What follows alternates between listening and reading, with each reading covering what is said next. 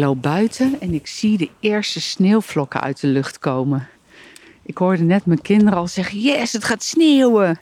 Kinderen vinden dat natuurlijk fantastisch. En nou moet ik zeggen dat ik het zelf ook redelijk fantastisch vind. En ik loop nu buiten en er staat best een straffe wind. Ik voel aan alles dat het niet meer vriest.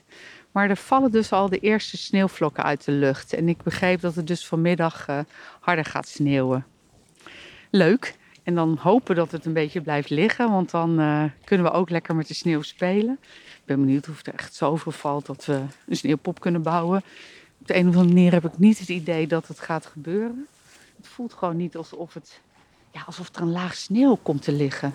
Ik weet niet waarom, maar zo, nu kijken.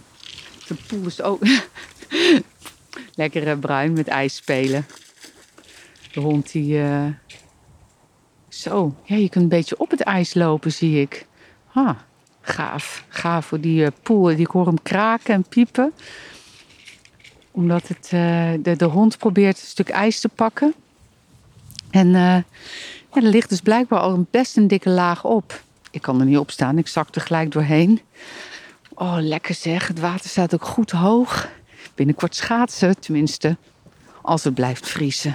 Zo, ik loop nog even. Kom maar, Bruin. We gaan deze kant op. Kom. Kom maar. Goed zo. Lekker, hè? Ah, daar loopt een van de katten. Beer. Dat is onze uh, moederpoes. Van wie we de twee kittens hebben gekregen. Kijk, die vindt het ook lekker buiten. Zo gezellig altijd met die beesten buiten. Ach, kijk nou.